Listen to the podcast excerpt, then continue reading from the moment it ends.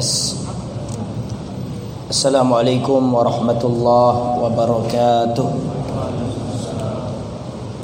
Innal hamdalillah nahmaduhu wa nasta'inuhu wa nastaghfiruh wa na'udzu billahi min shururi anfusina wa min sayyiati a'malina man yahdihillahu fala mudilla lahu wa man yudlil fala hadiyalah وأشهد أن لا إله إلا الله وحده لا شريك له وأشهد أن محمدا عبده ورسوله لا نبي ولا رسول بعده. اللهم صل وسلم وبارك على نبينا وحبيبنا محمد وعلى آله وصحبه أجمعين. يا أيها الذين آمنوا اتقوا الله حق تقاته ولا تموتن إلا وأنتم مسلمون. يا أيها الناس اتقوا ربكم الذي خلقكم من نفس واحدة وخلق منها زوجها وبث منهما رجالا كثيرا ونساء واتقوا الله الذي تساءلون به والأرحام إن الله كان عليكم رقيبا. يا أيها الذين آمنوا اتقوا الله وقولوا قولا سديدا يصلح لكم أعمالكم ويغفر لكم ذنوبكم ومن يطع الله ورسوله فقد فاز فوزا عظيما أما بعد Sebelum saya mulai Saya minta antum untuk Agak maju Masih banyak saudara kita yang belum dapat tempat di luar Maju dan yang masih di luar silakan masuk masjid bisa di sebelah kanan atau selatan masih kosong. Jangan sampai ada yang di luar biar lebih nyaman, lebih dengar ya. Taib. Materi kita ikhwatal iman pada kesempatan yang baik ini tapi sebelumnya kita bersyukur kepada Allah yang memudahkan perjalanan kita sehingga kita bisa hadir kembali di Masjid Al-Hidayah Wiyung Surabaya. Semoga seperti namanya masjid ini memberikan hidayah bagi orang yang datang kepadanya dan kita berdoa semoga para pengurusnya Masjid Al-Hidayah segala upaya yang sudah dilakukan demi makmurnya masjid ini dicatat oleh Allah sebagai pemberat timbangan amal kebaikan di akhirat kelak. Begitu juga siapa saja yang berpartisipasi demi lancarnya kegiatan kebaikan ini, semoga Allah melipat gandakan pahalanya dan memberi kemudahan urusannya di dunia dan di akhirat. Amin. Materi kita para jamaah yang dirahmati oleh Allah adalah Minhaj Al-Firqatin Najiyah jalan golongan yang selamat. Kitab ini dikarang oleh Syekh Ahmad Jamil Zainu Al-Syekh Jamil Zainu rahimahullah rahmatan wasiatan dan kita sekarang telah sampai pada bab ma'rakatut tauhid wasyirik peperangan antara tauhid dan syirik. Tauhid tidak akan bertemu dengan syirik, syirik tidak akan bertemu dengan tauhid. Sampai hari kiamat tidak akan bertemu. Tauhid adalah mengisahkan Allah, sedangkan syirik adalah menyekutukan Allah Subhanahu wa taala. Tauhid adalah ibadah yang paling agung, perintah yang pertama kali diperintahkan oleh Allah kepada manusia. Begitu juga dengan syirik. Syirik adalah larangan pertama kali yang manusia itu dilarang oleh Allah darinya. Tauhid lawannya syirik, syirik lawannya tauhid. Dan antara tauhid dan syirik akan terjadi peperangan dari awal kerasulan sampai akhir zaman. Selalu tinggal kita menjadi golongan yang mana? Golongannya ahli tauhid ataukah golongannya ahli syirik? Tayyib kita baca penjelasan Syekh Jamil Zainu rahimahullah. Qala al-muallif pengarang kita ini berkata hafizahullah eh, rahimahullah semoga Allah merahmatinya Inna ma'rakatat tauhidi ma'asyirki qadimatun. Sesungguhnya peperangan antara tauhid dan syirik itu lama. Mundu zamanir Rasul Nuh alaihi salam Khina da'a qaumahu ila ibadatillahi wahdah. Pertama kali dimulai semenjak zamannya Nabi Nuh bukan Nabi Adam. Karena zamannya Nabi Adam tidak ada kesyirikan. Nabi Adam sampai seribu tahun manusia pertama kali Nabi Adam sampai seribu tahun sepuluh abad itu manusia di atas tauhid tidak ada kesyirikan kezaliman ada kemaksiatan ada tapi kesyirikan tidak ada di antara kezaliman adalah anak Adam membunuh saudaranya. Ada. Ada kemaksiatan, ada kezaliman. Tapi belum ada kesyirikan. Sampai 10 abad berarti berapa tahun? 1000 tahun. Baru di zamannya Nabi Nuh mulailah manusia menyembah berhala. Maka Nabi Nuh diangkat oleh Allah jadi rasul untuk memperingatkan mereka. Untuk mengajak mereka menyembah Allah wa tarki ibadatil asnam dan meninggalkan penyembahan berhala. Wa baqiya fihim alfasanah illa khamsina aman. Nabi Nuh ada di tengah-tengah kaumnya seribu tahun kurang 50 tahun. Berarti berapa? 950 tahun. Umurnya panjang. Digunakan untuk berdakwah tauhid. Wa yad'uhum ila tauhid Nabi Nuh mengajak kaumnya untuk mengembalikan kemurnian agama seperti zamannya Nabi Adam. Jadi awal-awal penyembahan berhala itu di zamannya Nabi Nuh. Bukan Nabi apa tadi? Nabi Adam. Bahkan awal-awal terjadinya penyembahan berhala ya di zamannya Nabi Nuh ini. Allah cantumkan dalam surat Nuh ayat 23. Allah cantumkan dalam surat Nuh ayat 23 cerita mula-mula terjadinya penyembahan berhala. Wa qalu la tadarunna alihatakum. Ketika Nabi Nuh mengajak mereka tinggalkan sesembahan itu, ayo kembali ke tauhid, ayo kembali ke ajaran agama yang murni, maka dibantah oleh mereka. Mereka berkata, la tadarunna alihatakum, jangan kalian tinggalkan sesembahan-sesembahan kalian. Wala tadarunna waddaw wala suwa'aw wala yahutha wa ya'uqa wa ya'uqa wa nasra. Jangan kalian meninggalkan penyembahan terhadap Wat, Suwa, Yahuth, Ya'uq dan Nasr. Jadi di zamannya Nuh, zamannya Nabi Nuh ada lima berhala. Ada lima patung disembah.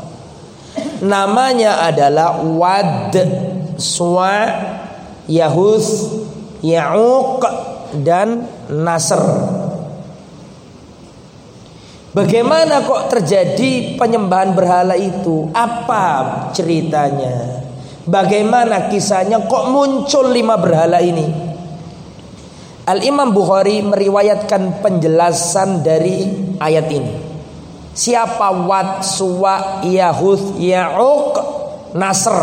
Siapa mereka itu kok disembah? Al-Imam Al-Bukhari meriwayatkan dari Abdullah bin Abbas. Abdullah bin Abbas itu pentafsir Al-Quran. Sepupunya Rasulullah. Rasulullah punya paman namanya Abbas. Paman beliau punya anak namanya Abdullah bin Abbas. Berarti Abdullah bin Abbas adalah sepupu Rasulullah. Tapi umurnya terpaut jauh. Rasulullah sudah jadi nabi hampir wafat itu sepupu beliau Abdullah bin Abbas masih kecil. Dan Abdullah bin Abbas ini pernah didoakan Nabi. Saudara sepupunya masih kecil ini. Kebetulan Rasulullah itu punya istri namanya Maimunah. Dan Maimunah itu bibinya Abdullah bin Abbas.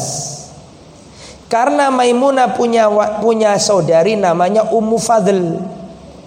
Ummu Fadl dinikahi Abdu dinikahi Abbas.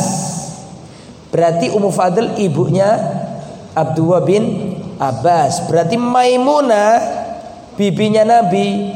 Eh mohon maaf istrinya Nabi. Apanya Abdullah bin Abbas? Bibinya. Bingung? Tidak bingung.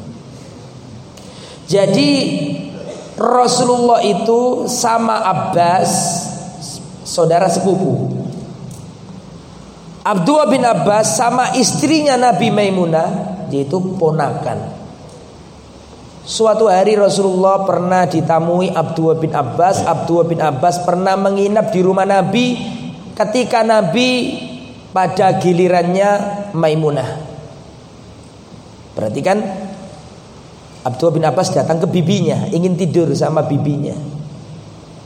Sambil mencari ilmu dari Rasulullah. Waktu malam Rasulullah bangun sholat malam Abdul bin Abbas ikut ambil air wudhu Terus sholat jadi makmumnya Nabi. Duduk di sebelah Berdiri di sebelah kiri. Terus diputar Nabi dijadikan sebelah kanan. Kenapa saya jelaskan ini? Supaya antum tahu bagaimana kedekatannya Abdul bin Abbas dengan siapa? Rasulullah. Sampai-sampai Rasulullah mendoakan Allahumma fakihhu fiddin wa'allimhu ta'wil. Ya Allah pahamkan bocah kecil ini agamanya dan ajarilah dia ilmu tafsir ya Allah Makanya meskipun Abdullah bin Abbas ini sahabat yang junior kecil tapi ilmunya banyak. Karena kena doanya Nabi.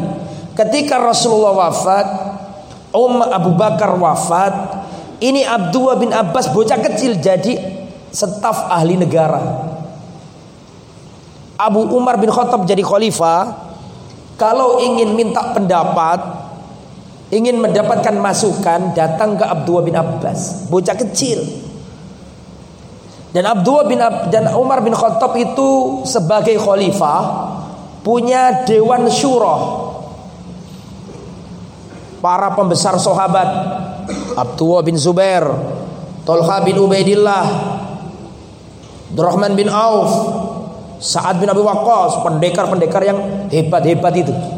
Dan ada satu bocah kecil namanya Abdullah bin Abbas. Sampai-sampai sahabat-sahabat senior mengatakan, "Wahai khalifah, kenapa kok bocah kecil ini ada di majelis kami? Padahal kami juga punya anak-anak kecil yang lain. Kok tidak anak kami yang diajak ke sini kok bocah satu ini?" Paham? Beda. Karena ini bocah kecil pernah didoakan Nabi. Bahkan Umar bin Khattab kalau menjumpai problem dalam memahami ayat Al-Quran tanya ke sahabat maksudnya apa? Fulan jawab, ful, sahabat yang lain jawab, sahabat yang lain jawab. Terus Abdullah bin Abbas jawab. Umar bin Khattab memilih pendapatnya Abdullah bin Abbas, bocah kecil. Sumbernya ilmu, turjumanul Quran, orang yang paling punya otoritas dalam menginterpretasikan Al-Quran. Di antaranya adalah Abdul bin Abbas. Lah, untuk mengomentari surat Nuh ayat 23 dan 24 tentang lima nama tadi itu. Wad, Suwa, Yahud, Nasr. Ketika Nabi Nuh ngajak kaumnya, ayo sembahlah Allah saja, tinggalkan patung-patung itu. Maka orang-orang mengatakan jangan kalian tinggalkan, jangan tinggalkan wat suwa ya wat suwa yahud yauk nasr. Jangan tinggalkan mereka. Lah kita butuh ngerti siapa lima orang ini. Kok ujuk-ujuk disembah itu ceritanya bagaimana? Kita nggak paham ayat ini kalau kita nggak memahami dengan pemahaman para salaf. Kita nggak paham ayat ini kalau kita nggak merujuk ke pemahaman para saudara kita di luar masih ada yang belum dapat tempat. Mohon silakan masuk dan cari tempat di sebelah kirinya masjid. Di sebelah kiri apa sebelah kanan itu? Bagi saya sebelah kanan, bagi antum sebelah kiri. Yang selatan masjid masih kosong. Yang di luar yang belum dapat tempat, monggo silakan masuk di sebelah kanan. Jangan di tempat parkiran ya, panas. Silakan masuk, kasih jalan saudara kita yang baru datang. Taib. Sudah, kalau sudah konsentrasi jangan lihat yang lewat, lihat ustadzmu. Ya. Sampai mana tadi? Ya, kita harus memahami Al-Quran surat Nuh ayat 23 dengan pemahaman para salaf. Siapa lima orang yang disembah itu? Abdullah bin Abbas berkata, perhatikan. Hadhihi asma'u rijalin salihin min qaumi Nuh. Nama-nama tadi adalah li, nama dari lima orang soleh di zamannya Nabi Nuh. Para wali limo wong soleh jumlahnya lima di zamannya Nabi Nuh.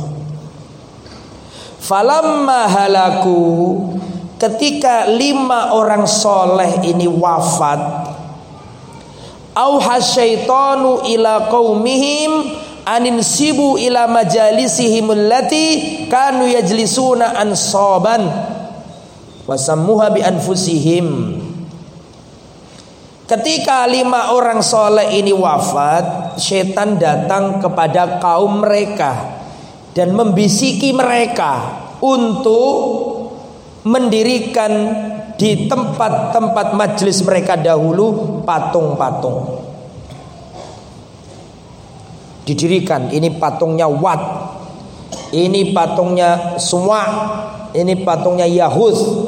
Ini patungnya Ya'uq dan ini patungnya Nasr lima. Dan berilah nama mereka atau mereka memberi nama sesuai dengan nama lima orang soleh tersebut. Fafalu setelah dibisiki oleh setan maka kaumnya ini membuat lima patung tadi. Satu, dua, tiga, empat, lima, enam. Eh lima. Nggak disembah. Cuma disuruh mendirikan monumen saja Untuk mengingat mereka Kebaikan mereka Dulu ada orang soleh lima. Falam tu'bat Pertama nggak disembah memang. Hatta idha hatta idha halaka ulaika. Sampai-sampai ketika orang yang bangun monumen tadi mati, generasi yang sezaman sama apa namanya pembuatan patung tadi banyak yang mati, lahir generasi berikutnya. Lahir generasi berikutnya yang nggak ngerti apa-apa. Watanas sohal ilm dan ilmu sudah hilang Ilmu sudah hilang, orang-orang yang bangun dulu sudah mati, ganti generasi berikutnya, ilmu sudah diangkat, faubidat, akhirnya disembah. Semenjak itulah sampai detik ini patung disembah. Semenjak itu ayat ini. Surat apa tadi? Nuh ayat 23. Semenjak itulah patung itu disembah sampai sekarang. Ya. Karena apa penyebabnya? Kalau kita perhatikan tadi para jamaah sebabnya dua. Kenapa kok terjadi penyimpangan dalam menyembah? Menurut riwayat Abdullah bin Abbas yang dibawakan oleh Imam Bukhari sebabnya dua. Sebab-sebab kesyirikan berdasarkan riwayat ini ada dua. Yang pertama, pertama sebabnya adalah apa? Al-ghulu fis solihin. Ghulu berlebih-lebihan terhadap orang soleh. Sebab pertama. Sebab yang kedua apa? Menurut riwayat tadi. Hmm? Apa? Hilangnya ilmu. Dua hal itu loh. Fanatik terhadap seseorang plus nggak ada ilmu. Aduh bahaya itu. Karena dua hal itu dulu terjadi penyembahan berhala. Makanya makanya tadi kan dikatakan wanusial ilmu, ilmu sudah dilupakan, akhirnya disembah. Berarti penyebab kesirikan satu kebodohan, tidak mau belajar, dua melampaui batas terhadap orang soleh. Maka tinggalkan dua hal itu. Semenjak itulah pertarungan antara tauhid dan syirik dimulai. Nah, asal muasalnya. Jadi asal muasal penyembahan berhala itu adalah karena mengkultuskan seseorang. Itu pun diingkari oleh para nabi, jangan kalian menyembah patung-patung itu. Ketika orang-orang kafir itu diingatkan oleh para nabi jangan menyembah patung-patung itu. Mereka berargumen. Apa argumen mereka? Surat Az-Zumar ayat 3. Mereka menjawab begini. Perhatikan jawaban mereka dan apakah ada jawaban ini di zaman sekarang? Mereka berargumen ketika dituturi Nabi jangan nyembah patung, mereka bantah. Antum tahu nggak bantahannya? Mereka berkata seperti ini dalam Al-Quran surat apa tadi? Zumar 6 ayat 3. Mereka menjawab, "Mana buduhum? Kami nggak menyembah mereka." Padahal mereka mereka jelas menyembah, tapi nggak mau dikatakan menyembah. Apa alasan mereka?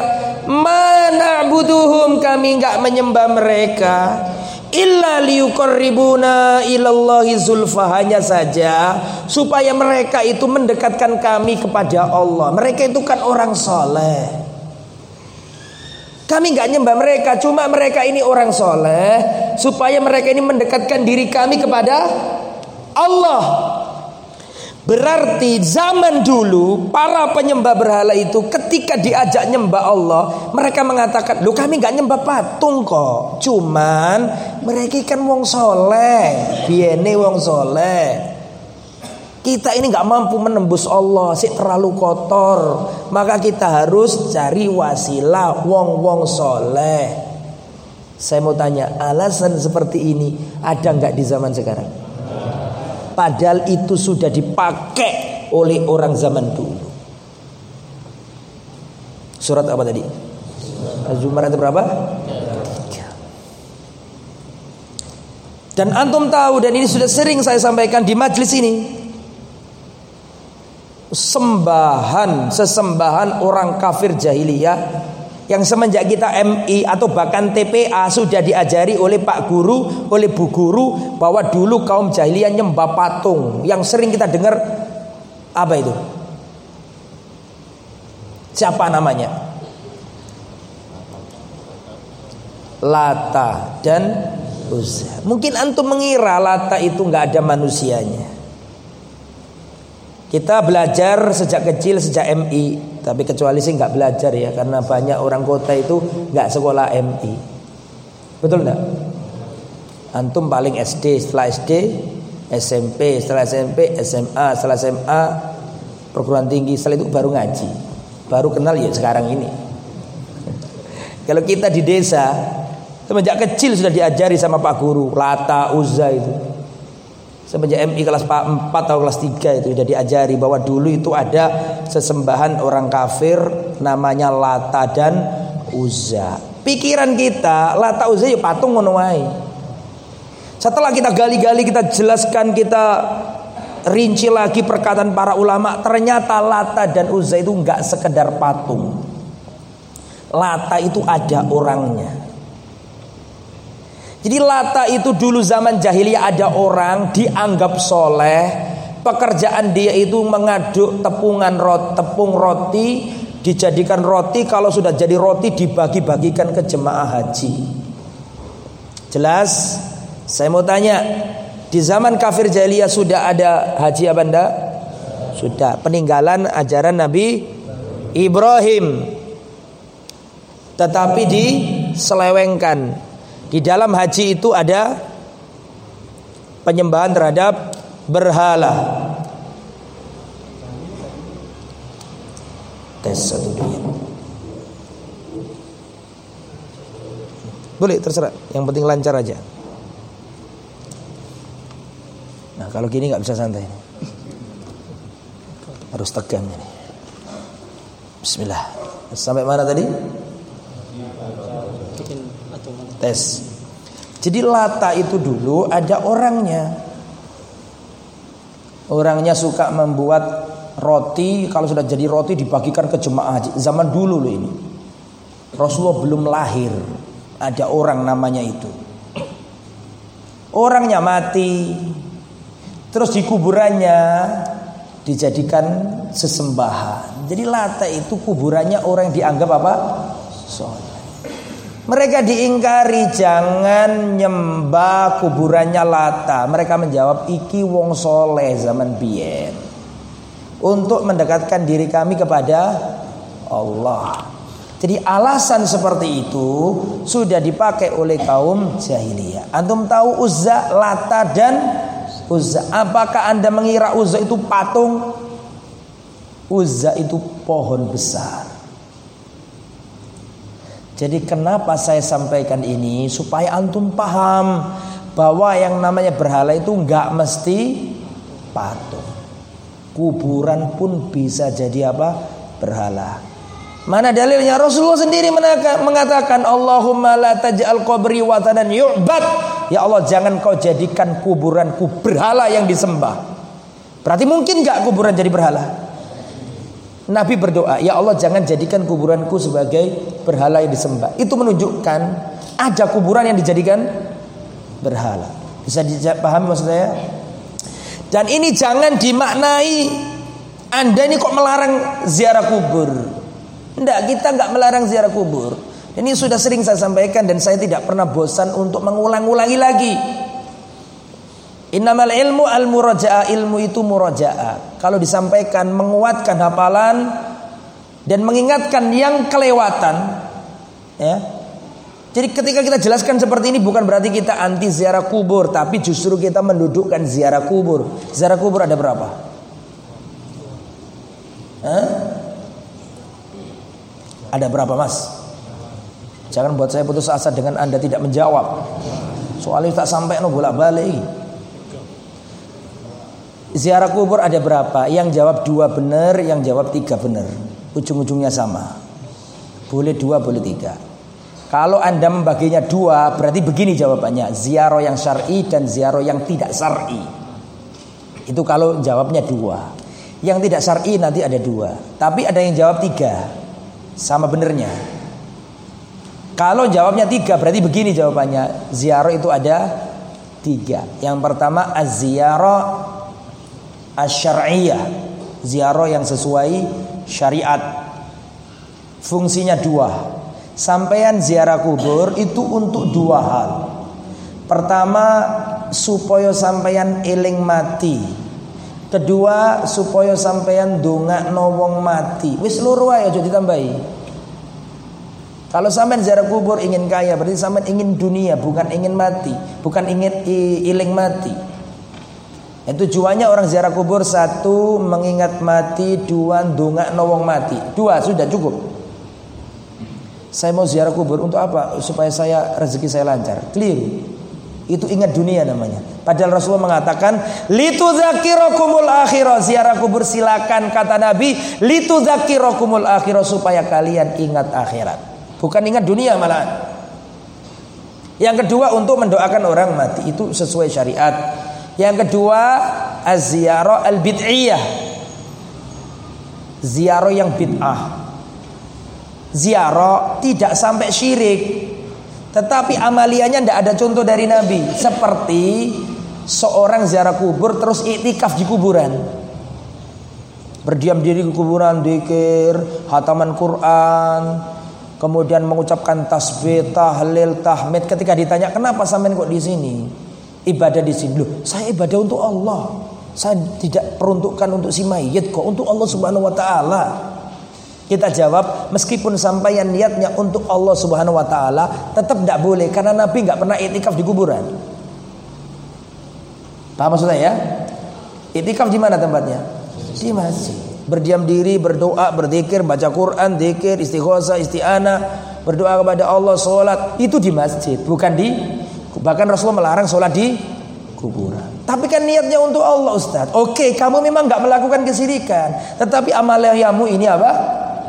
adalah tidak ada tuntunan. Mau disebut bid'ah jari kasar, ya wes tak ganti.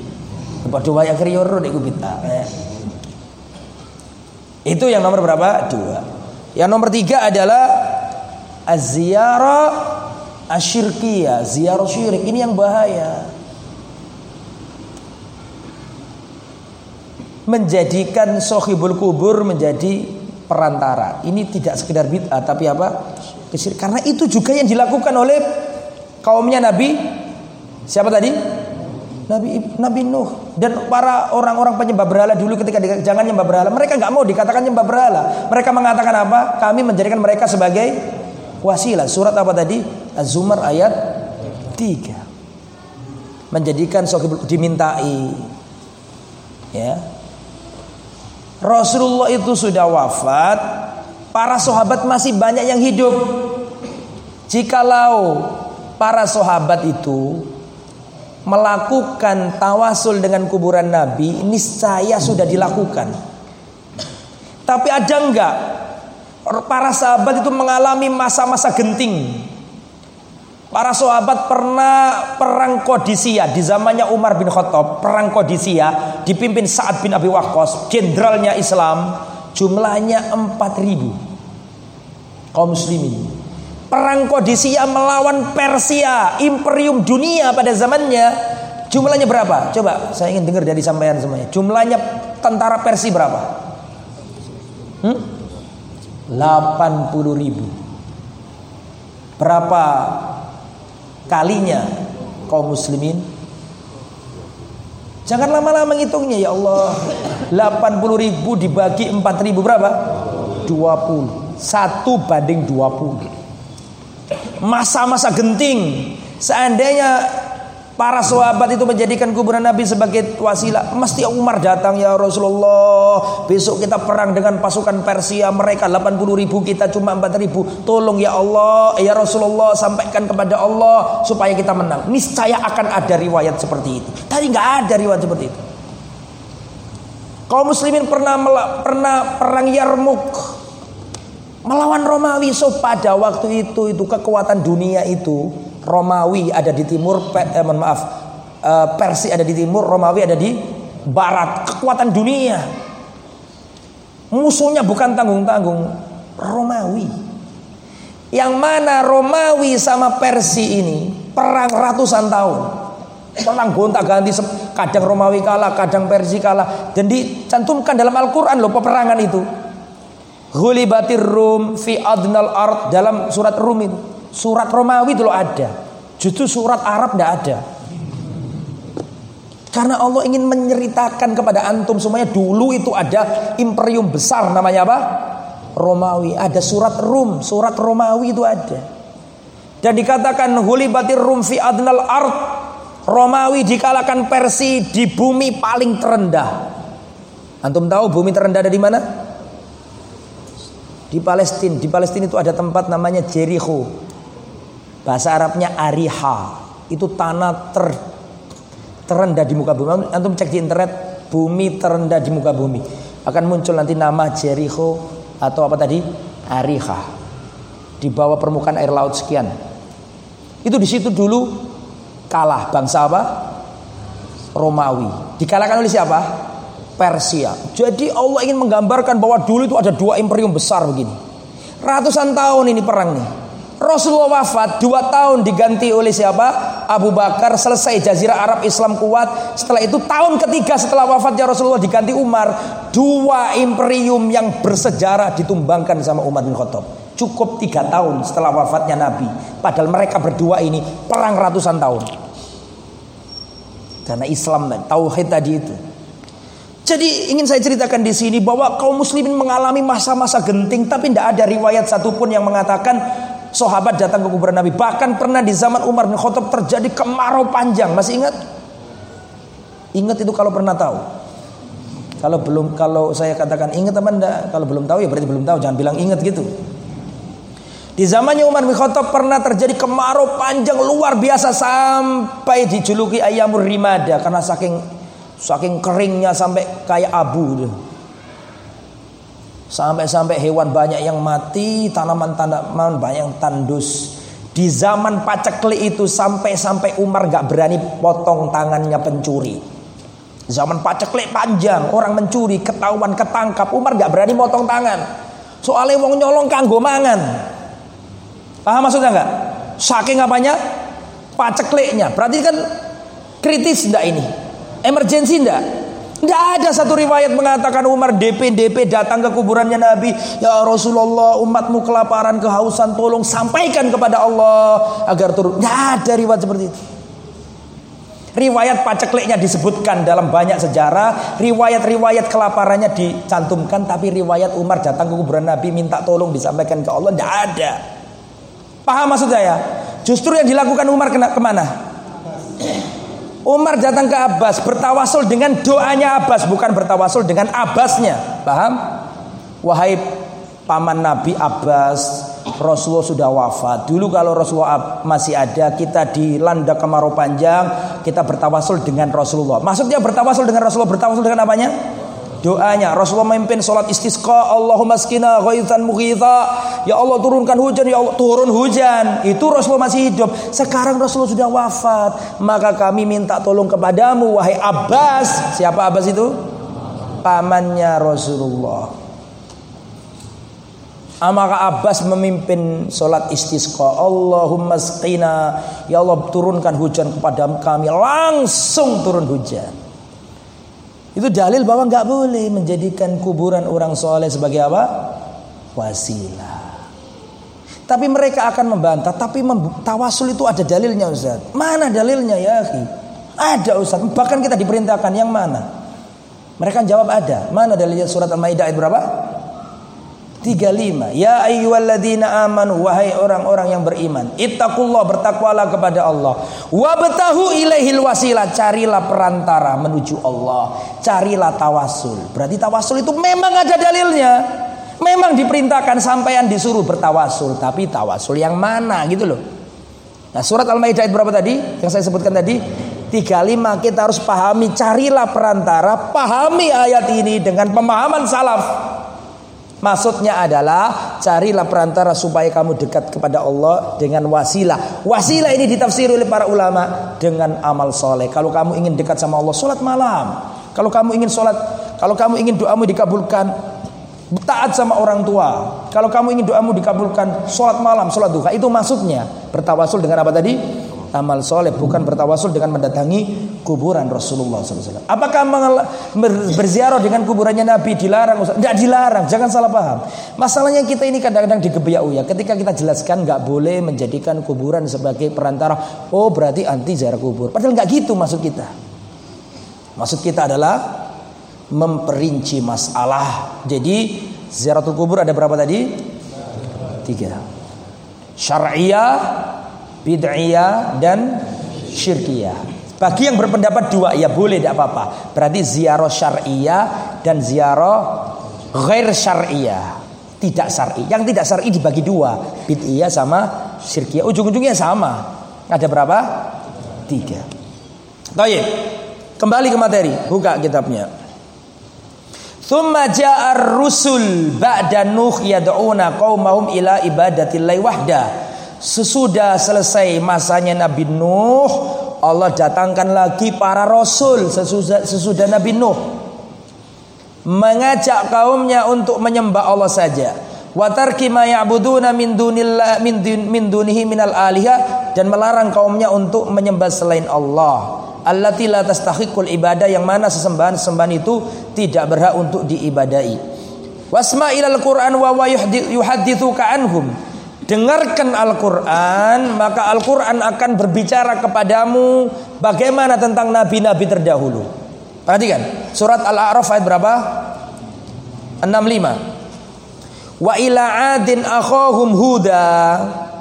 Kaum Ad pernah diutus kepada mohon maaf enam. Pernah diutus kepada kaum Ad Nabi siapa? Nabi Hud. Nabi Hud pernah Allah utus kepada kaum Ad Kala Nabi Hud berkata kepada kaum Ad Ya qaumi wahai kaumku Ubudullah sembahlah Allah. Malakum min ilahin ghairu. Tidak ada sembahan selain Allah. Afala tatakun. Semua nabi memanggil kaumnya ya kaumi kecuali Nabi Isa. Nabi Isa itu tidak ada dia berkata ya kaumi. Nabi Musa berkata ya kaumi. Nabi Musa diutus ke kaum Bani Israel. Betul? Betul apa enggak? Nabi Ibrahim punya kaum. Nabi Musa punya kaum. Seluruh nabi manggil kaumnya dengan ya qaumi. Nabi Musa mengatakan ya qaumi dkhulul ardul muqaddasata allati kataballahu lakum. Wahai kaumku, masuklah ke tanah Baitul Maqdis. Nabi Musa mengatakan Ya qaumi, wahai kaumku. Tapi Nabi Isa nggak pernah mengatakan ya qaumi. Tahu nggak alasannya? Nabi Hud mengatakan, perhatikan. Nabi Hud berkata dalam surat Al-A'raf ayat 65, "Ya qaumi ibudullah wahai hambaku, eh wahai kaumku sembahlah Allah." Nabi Hud ya dalam surat yang lain Nabi Soleh, mohon maaf, Nabi Soleh berkata, "Ya qaumi wahai kaumku." Kemudian Nabi Su'aib berkata, "Ya qaumi wahai kaumku." Kemudian Nabi Ibrahim, "Ya qaumi Seluruh nabi manggil ya kaumi, ya kaumi. Kecuali Nabi Isa, antum gak akan ketemu di Al-Quran. Nabi Isa mengatakan ya kaumi. Yang ada, ya bani Israel guru, ya bani Israel. Wahai bani Israel, aku adalah Rasul yang diutus kalian. Kenapa nabi-nabi menyebut kaumnya dengan ya kaumi? Tapi Nabi Isa nyebutnya bukan ya kaumi, tapi ya bani Israel. Kenapa? Di mana? Duriat. Maksudnya gimana? Penjelasannya gimana kok ujuk-ujuk duriat itu? Bahwa dari laki-laki kan dari bin Maryam. Bin Maryam. Sing enak tadi ngomong itu. Kenapa Nabi siapa tadi? Isa, Isa berkata, "Ya Bani Israel, wahai Bani Israel, sungguhnya aku adalah Rasul menyebut Bani Israel tidak ya kaumi. Musa menyebut ya kaumi. Nabi Ibrahim ya kaumi. Nabi Su'aib ya kaumi. Tapi Nabi Isa nyebutnya ya Bani Israel. Di situ ada faidah seperti yang panjenengan sebutkan tadi. Kenapa Nabi Musa tidak mengatakan ya kaum, ya kaumi wahai kaumku, tapi kok ya Bani Israel? Jawabannya karena kaum itu adalah saudaranya bapak. Sedangkan Nabi Isa nggak punya bapak. Antum paham maksudnya? Wahai kaumku berarti keluarga bapakku. Jelas sampai sini? Sedangkan Nabi Isa nggak punya apa? Nggak punya bapak. Makanya lafadznya musuh Al-Quran itu nggak mungkin salah. Sampai gitu aja ada perbedaannya. Seluruh Nabi mengatakan ya kaumi wahai kaumku, tapi Nabi Isa nggak pernah ngomong ya kaumku. Kenapa? Karena Nabi Isa nggak punya bapak, sedangkan kaum adalah keluarganya bapak, sedangkan nasab ikut bapak. Tapi semua rasul-rasul tadi itu ngajak umatnya untuk mentauhidkan Allah. Dalam surat Al-A'raf, kembali ke materi perhatikan. Surat Al-A'raf ayat 65 diceritakan Nabi Hud mengajak kaumnya nyembah Allah. Dalam surat Hud ayat 61 dikisahkan Nabi Soleh ngajak umatnya kaumnya untuk menyembah Allah. Dalam surat Hud ayat 84 diceritakan Nabi Su'aib mengajak umatnya menyembah Allah. Dalam surat Az-Zukhruf ayat 626 ayat 27 menceritakan Nabi Ibrahim mengajak kaumnya menyembah Allah. Semuanya mengajak mentauhidkan Allah. Karena memang misi para rasul yang paling utama itu apa? Walaqad ba'athna likulli nabiyyin aduwan. La la walaqad ba'athna likulli ummatin gimana astagfirullah. Walaqad ba'athna likulli ummat rasulan an ibudullah wajtanibut tauhid. Setiap nabi setiap umat kami utus setiap nabi, mohon maaf, telah kami utus seorang rasul pada tiap-tiap umat. Untuk apa? Anik budullah untuk menyembah Allah, wajtanibut tauhid dan meninggalkan tauhid sesembahan selain Allah. Jadi tugasnya para nabi yang paling inti itu tauhid. Kenapa Nabi Nuh umatnya ditenggelamkan Allah karena menantang tauhid. Kenapa Nabi Musa dikejar-kejar Firaun? Karena Nabi Musa menegakkan tauhid. Kenapa Firaun dan bala tentaranya ditenggelamkan Allah? Karena menentang tauhid. Mengapa Nabi Ibrahim hampir dibakar sudah dibakar. Kenapa Nabi Ibrahim dibakar hidup-hidup? Karena menegakkan tauhid. Kenapa Nabi Ibrahim mecahi berhala-berhala? Karena Nabi Ibrahim menegakkan tauhid. Kenapa Nabi Ibrahim diusir oleh ayah kandungnya? Karena menegakkan tauhid. Kenapa Nabi Isa dikejar-kejar tentara Romawi? Karena menegakkan tauhid. Kenapa Nabi Isa difitnah oleh Yahudi? Yahudi memprovokasi orang Romawi untuk membunuh Nabi Isa karena menegakkan tauhid. Kenapa Nabi Isa disalib menurut mereka? Karena menegakkan tauhid. Kenapa Rasulullah dilempari batu, diusir dari negerinya? Rasulullah di, di lempari kotoran unta kenapa? Karena menegakkan tauhid. Mengapa Bilal bin Rabah budak hitam kelang rambutnya keriting diseret ke padang pasir Disuruh tidur di padang pasir yang menganga, ditimpakan batu besar di dadanya karena apa? Mendakwakan tauhid. Mengapa Ammar bin Yasir sahabat Nabi memiliki ibunda namanya Sumayyah, ditusuk kemaluannya dengan tombak sampai mati. Kenapa? Karena mempertahankan tauhid. Itu karena intinya para inti dakwah para nabi ya karena tauhid itu. Makanya sering saya ulangi terus.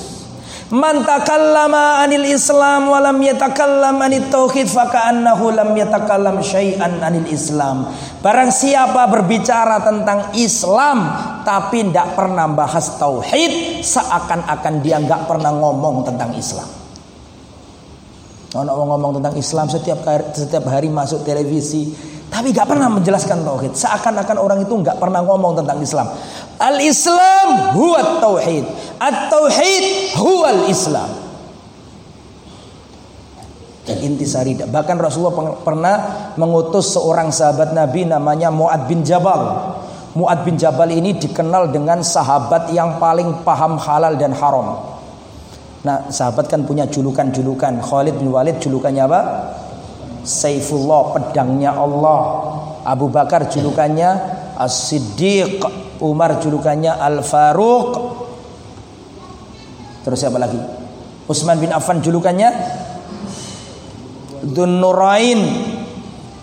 Kemudian Sa'ad bin Abi Waqqas julukannya apa?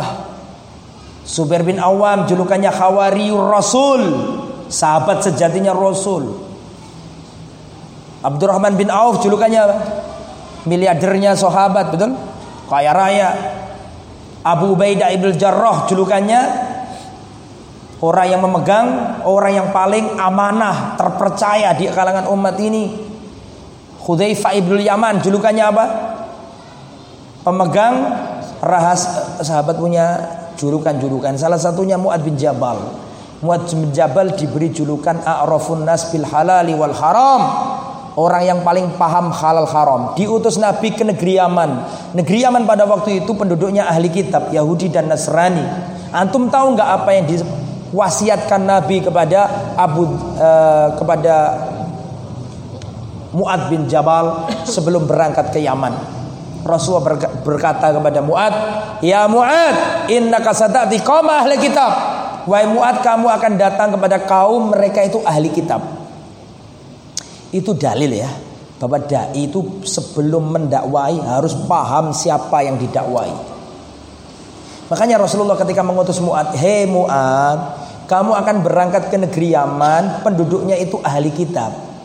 Itu dalil bahwa seorang dai sebelum sampai di suatu tempat harus sudah memapping para dai-nya. Sosialnya bagaimana, keagamaannya bagaimana, ekonominya bagaimana dengan memetakan orang yang didakwai muncul kesimpulan oh berarti metode yang cocok seperti ini. Paham maksud saya? Kata Rasulullah, innaka satati qauma ahli kitab kamu akan mendatangi ahli kitab di negeri Yaman, Yahudi dan Nasrani.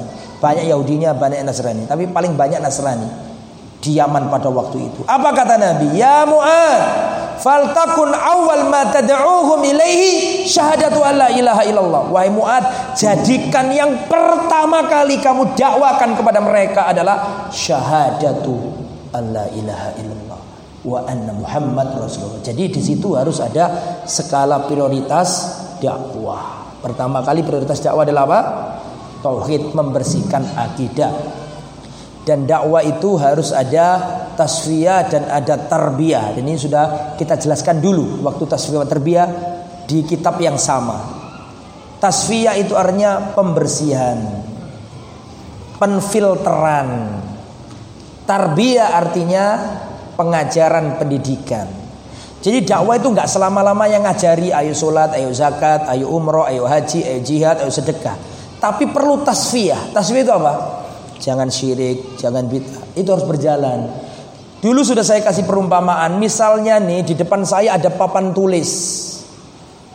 Ada papan tulis. Saya misalnya pinter nulis Arab kaligrafi. Saya nggak terlalu pinter dan memang nggak pinter bukan terlalu ya memang nggak pinter. Saya nggak pinter nulis kaligrafi Arab nggak pinter saya. Ini perumpamaan saja. Misalnya saya bisa nulis kaligrafi yang indah pakai bahasa Arab. Saya ingin menulis di papan tulis tersebut. Tetapi masalahnya papan tulis itu banyak coretannya. Saya melihat masyarakat, saya ingin mendakwai, saya ingin menyampaikan yang baik, saya ingin menyampaikan sesuatu yang indah kepada mereka. Sama seperti saya ingin nulis tulisan yang indah di sebuah papan tulis, tapi papan tulisnya banyak coretannya. Paham nggak maksud saya? Apa yang saya lakukan? Saya paksakan nulis yang indah atau saya hapus dulu yang jelek-jelek tadi, baru saya tulisi yang indah. Dia betul. Sama masyarakat kita juga butuh itu. Gak selamanya kita nyampaikan ayo sholat, ayo zakat, ayo. Harus suatu saat kita sampaikan jangan syirik, jangan apa? Jangan bid'ah, jangan maksiat. Harus kita lakukan. Jadi dakwah itu harus balance, seimbang. Gak bisa kita nyuruh orang perintah-perintah, larangannya nggak dikasih tahu. Harus dikasih tahu. Itulah dakwah. Kemudian wa kana raddul ala jamil anbiya al bil mu'aradah. Balasan orang-orang musyrik kepada para nabi tadi yang kita sebutkan mendakwai mereka untuk bertauhid al mu'aradah. Mereka menentang wal istingkar dan mengingkari para nabi mengingkari para rasul tapi ada perbedaan ya antara rasul dan nabi apa perbedaannya rasul sama nabi Nabi itu bisa jadi dikirim ke kaum yang tidak menentang. Berbeda dengan Rasul. Rasul itu mesti diutus ke kaum yang menentang.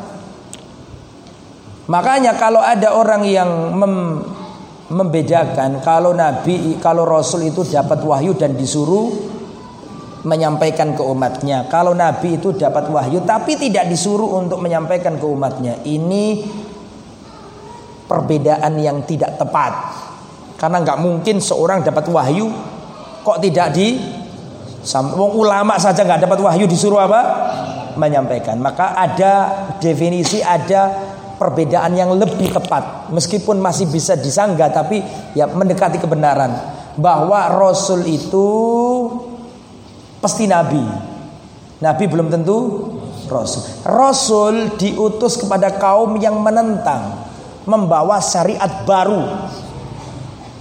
Rasul itu mesti membawa syariat baru, menghapus syariat sebelumnya dan diutus kepada kaum yang menentang. Tapi kalau nabi dia diutus tetapi nggak membawa syariat baru. Syariatnya ikut syariat Nabi sebelumnya, Rasul sebelumnya, dan dia terkadang diutus kepada kaum yang tidak menentang. Setelah Nabi Musa ada nggak nabi-nabi yang lain? Tolong dijawab. Setelah Nabi Musa diutus Allah kepada Bani Israel, Rasul apa Nabi beliau? Apa Nabi dan Rasul? Sepakat para ulama Nabi Musa adalah Rasul dan Nabi. Jelas? Setelah itu Taurat disampaikan selesai, Rasulullah masih ngirim ngirim nabi-nabi untuk menguatkan apa? Syariatnya Nabi Musa. Sebagian riwayat mengatakan ada Nabi Daniel, ada Nabi Fulan, ada Nabi Fulan di kalangan Bani Israel. Tetap ikut Taurat. Paham maksudnya ya? Itu Nabi. Jadi perbedaan Nabi sama Rasul. Tapi semuanya sepakat bahwa misi dakwanya adalah untuk apa? Menegakkan kalimat tauhid. Kemudian Wada Rasulullah kana ma'rufan indal Arab qabla al Begitu juga dengan Rasulullah yang terkenal di Arab sebelum beliau jadi rasul. Bisodik bahwa dia adalah orang yang jujur. Al-amin terpercaya. Semua orang Makkah sebelum Nabi umur 40 tahun sebelum Nabi mendakwakan tauhid, orang Makkah seluruhnya, laki-laki perempuan, kaya miskin, bangsawan maupun budak, seluruh orang Makkah. Kalau ada orang bertanya, siapakah di negeri Mekah ini manusia terbaik yang terpercaya? Sepakat semuanya. Tidak ada dua orang berselisih. Sepakat serentak menjawab Muhammad manusia terbaik di kota Makkah. Itu sebelum Rasulullah umur berapa? 40 tahun. Baru ketika Rasulullah umur 40 tahun dapat wahyu menegakkan tauhid, baru muncul tuduhan-tuduhan. Ada seorang Al-Walid ibn Muhirah, sesepuhnya kafir Quraisy. Ketika Rasulullah naik bukit Sofa, mengajak manusia kumpul jadi satu, Rasulullah mengatakan, "Wahai kaum Quraisy, wahai kaumku, kalau sekiranya aku katakan kepada kalian bahwa di balik bukit ini ada pasukan besar menyerbu kota Makkah, apakah kalian percaya? Semuanya menjawab, "Na'am ya Muhammad, majarabna minka kadiban qat." Sepakat kami Muhammad, kami percaya, kami nggak pernah mendengar kau berdusta. Jelas? Kalau begitu selamatkan diri kalian dari api neraka Katakanlah la ilaha illallah Baru mereka ingkar Semenjak detik itu Paham? Setelah itu Rasulullah mendakwai banyak orang masuk Islam. Terutama yang lemah-lemah masuk Islam, budak-budak itu masuk Islam. Abdullah bin Mas'ud, Bilal bin Rabah, Ammar bin Yasir, Suhaib Ar-Rumi. Paham maksud saya sahabat-sahabat yang pinggiran yang dianggap orang-orang jelata itu yang masuk Islam. Semakin banyak yang masuk Islam. Di saat seperti itu hampir musim haji. Orang kafir Quraisy rembukan di parlemennya. Parlemen Quraisy namanya apa? Ada tempat khusus kumpulnya pembesar Quraisy. Namanya tempat apa itu? Eh? Darun Nadwah. Parlemennya Quraisy di situ. Kumpul semuanya, merumuskan. Ini bagaimana ini? Muhammad kok semakin banyak pengikutnya? Banyak yang masuk Islam ini bagaimana? Apalagi sebentar lagi musim haji. Kalau musim haji berarti kira-kira di Mekah banyak orang asing apa enggak? Berarti orang orang Yasrib ada di situ, orang Taif ada di situ, orang Najd ada di situ, orang Yaman ada di situ, orang Syam ada di situ. Paham maksudnya? Jadi haji itu kan tempat kumpulnya bangsa-bangsa. Semenjak dulu ketika jahiliyah pun demikian. Seantero suku-suku Arab kalau sudah musim haji berangkat ke Mekah. Lah itu dimanfaatkan Nabi untuk mendakwai mereka. Jelas? Lah orang-orang kafir Quraisy ketakutan. Kenapa kau ketakutan? Ini Muhammad ini wajahnya ganteng, omongannya enak. Ini orang diajak ngomong, is langsung ikut itu. Makanya sebelum musim haji datang, ayo kita rembukan. Kita harus menyatukan pikiran bagaimana caranya kita sikapi Muhammad ini. Sehingga nanti kalau ada suku-suku yang lain datang dan dia didakwai oleh Muhammad kita sepakat hati-hati sama Muhammad sallallahu alaihi wasallam karena Muhammad itu begini-begini kita harus ngomongnya sama. Kalau kita ngomongnya berbeda-beda nanti suku-suku lain nggak percaya sama kita. Jelas sampai sini? Kumpul. Ayo kita kumpul sampaikan opini masing-masing enaknya Muhammad ini sallallahu alaihi wasallam kita juluki apa Akhirnya usul satu persatu. Siapa tadi yang yang ngajak tadi? Yang rembukan tadi itu, ngajak rembukan. Al Walid bin Mughirah. Walid bin Mughirah. Sesepuhnya kafir Quraisy. Setelah itu, ayo silakan ngomong apa kalian? Ada orang usul, bagaimana kalau kita katakan Muhammad itu kahin? Sepakat semuanya kahin. Kahin artinya apa? Hah? Kahin dukun. Kita eh, sepakat Muhammad dukun. Nanti kalau ada suku-suku yang lain didatangi Muhammad, hati-hati itu dukun, jangan dikomongnya, jangan digubris itu. Kita sepakat dulu, jangan jangan silih genje kata orang Jawa. Jangan ini ngomong ini, ini ngomong itu apa? Dukun. Kita tahu dukun, orang Arab tahu siapa dukun, bagaimana dia nyebulnya, bagaimana dia baca mantranya itu nggak ada potongan wajahnya Muhammad dukun. Yang lain. Akhirnya usul lagi yang kedua, bagaimana kalau kita katakan Muhammad majnun? Apa majnun? Kena jin, gila maksudnya. Kata Walid bin Mughirah, ya nggak mungkin lah Muhammad kalian kata gila.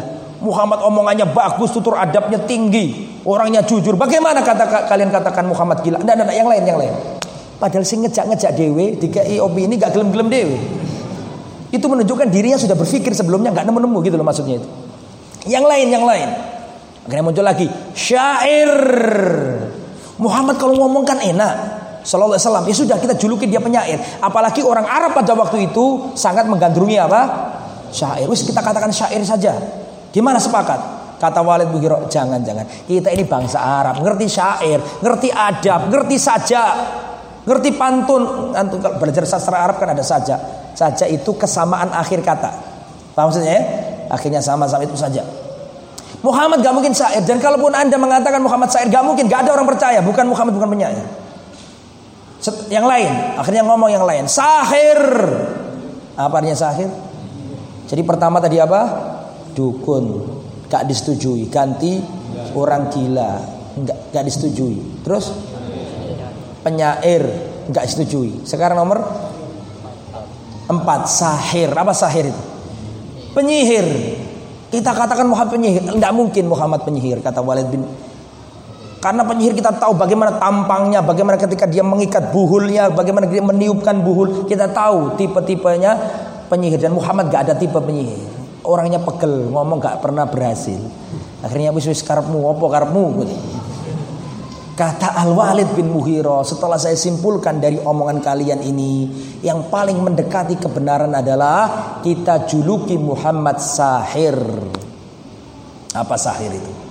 Penyihir. Karena Muhammad ini memisahkan suami istri. Karena Muhammad ini memisahkan adik dengan kakak. Karena Muhammad ini memisahkan anak dengan orang tua. Kenyataannya gitu apa enggak? Iya gitu memang. Ada sahabat masuk Islam otomatis pisah. Satu nyembah berhala satu nyembah Allah. Disuruh pisah sama Nabi.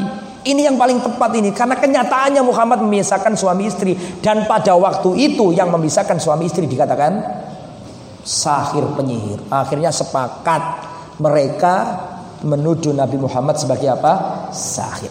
Kapan julukan itu diberikan kepada Nabi Muhammad? Semenjak Nabi umur 40 tahun ketika mendakwakan apa? Tauhid. Itulah peperangan dimulai. Kalau sudah menegakkan tauhid pasti akan diusir seperti itu.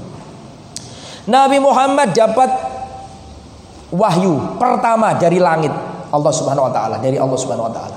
Ketika Nabi di Gua Hira, betul? Surat apa yang pertama kali turun? Iqra bismi rabbikal ladzi khalaq khalaqal insana min 'alaq Iqra wa rabbukal akram alladzi 'allama bil qalam. Pertama datang malaikat, Rasul ketakutan. Terus malaikatnya mengatakan, "Iqra, bacalah Muhammad." Rasulullah mengatakan, "Ma ana biqari'in, aku nggak bisa baca." Terus Rasulullah didekap. Didekap oleh siapa? Jibril sampai lemes, hilang kekuatannya Nabi. Dilepas lagi sama Jibril. Sudah Jibril mengatakan, "Iqra, bacalah." Nabi Muhammad gak bisa baca. Dan Nabi Muhammad mengatakan ma Nabi Korin aku gak bisa baca. Di, di dekap lagi sampai hilang kekuatan Nabi. Dilepas lagi ketiga kalinya baru Iqra bismi rabbikal ladzi khalaq khalaqal insana min 'alaq. Iqra wa rabbukal akram. Terus sampai alamal insana malam ya alam sampai selesai Rasul ketakutan pulang ke rumah Terus mengatakan zamiluni zamiluni selimutilah aku selimutilah aku Rasul menggigil ketakutan. Setelah Rasul sadar maka Khadijah berkata, "Wahai suamiku, Allah tidak memungkin menghinakan dirimu. Kau adalah orang yang nyambung silaturahim, kau menolong orang yang susah.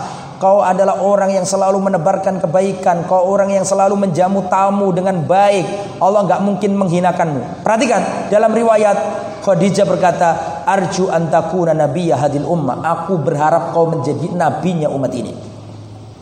Setelah itu Khadijah punya anak paman.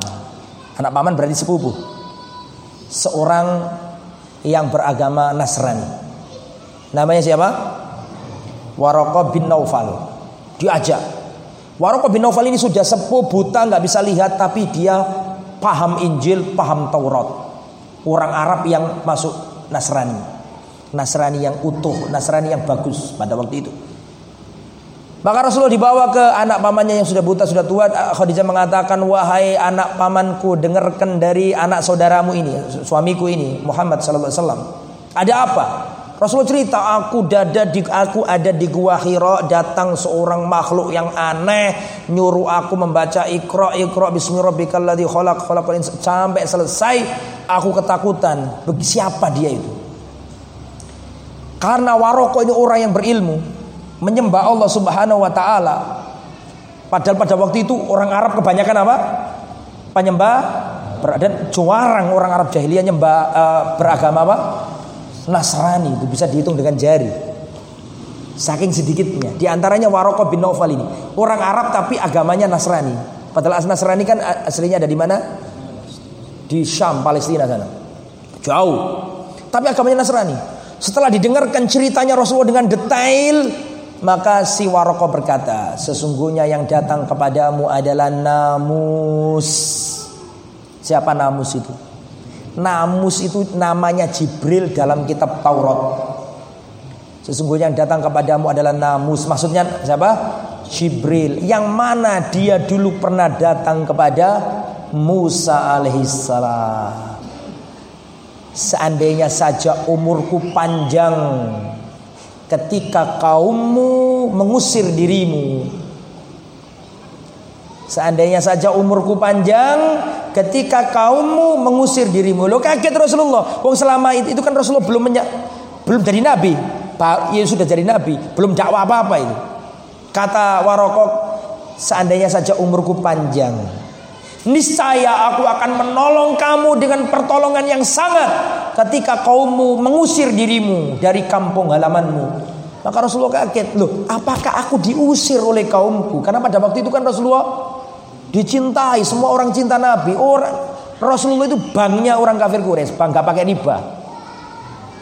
Orang Quraisy kalau mau safar khawatir hartanya hilang, datang ke Nabi Muhammad, "Ya Muhammad, saya titip barang saya." Dia pulang bertahun-tahun balik diambil ke Nabi Muhammad sallallahu alaihi wasallam. Bahkan ketika Rasulullah hijrah mau hijrah dari Mekah ke Madinah, sebelum hijrah itu Rasulullah ngomong sama Ali, Ali ini hartanya fulan, ini hartanya fulan, ini hartanya fulan, tolong sampaikan, tolong kembalikan, tolong kembalikan. Orang kafir loh padahal itu. Tapi dalam muamalah percaya sama siapa?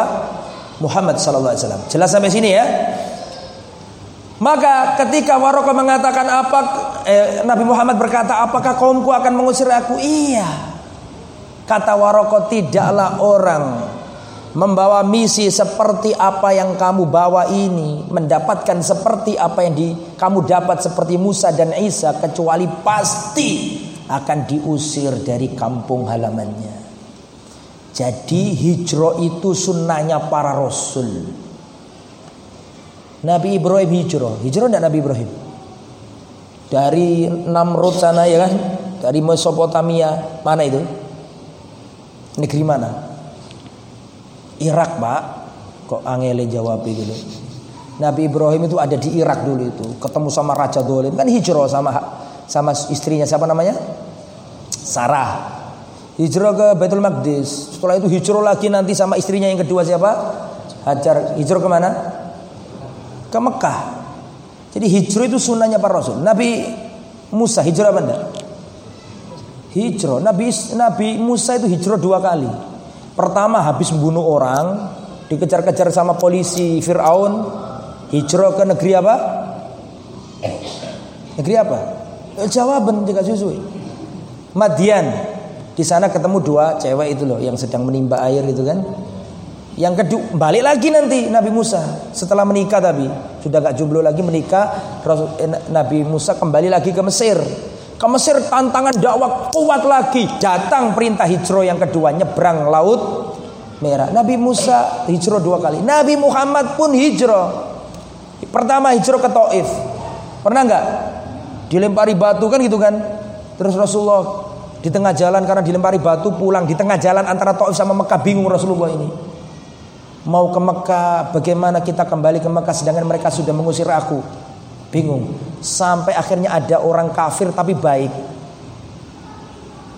Dia mendatangi Nabi dan mengatakan aku memberi suaka kepada Muhammad.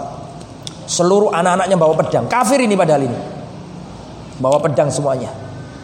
Tidak boleh ada yang menyakiti Muhammad. Makanya Rasulullah SAW waktu perang Badar, Rasulullah berkata nanti kalau kalian ketemu Fulan jangan dibunuh. Kalau ketemu Fulan jangan dibunuh. Masih ingat kisah itu? Ingat gak ingat saya nggak mungkin cerita ke sampean. Oh, itu panjang ceritanya. Artinya ada orang-orang yang dikecualikan, Nabi dalam perang apa?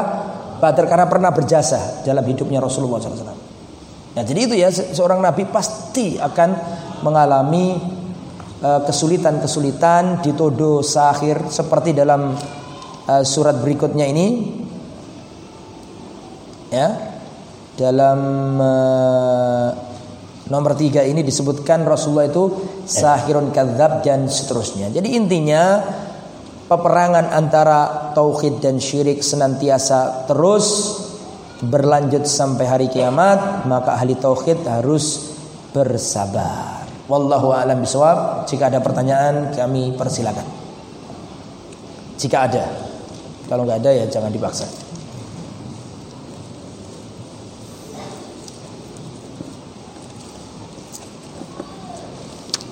Bismillah.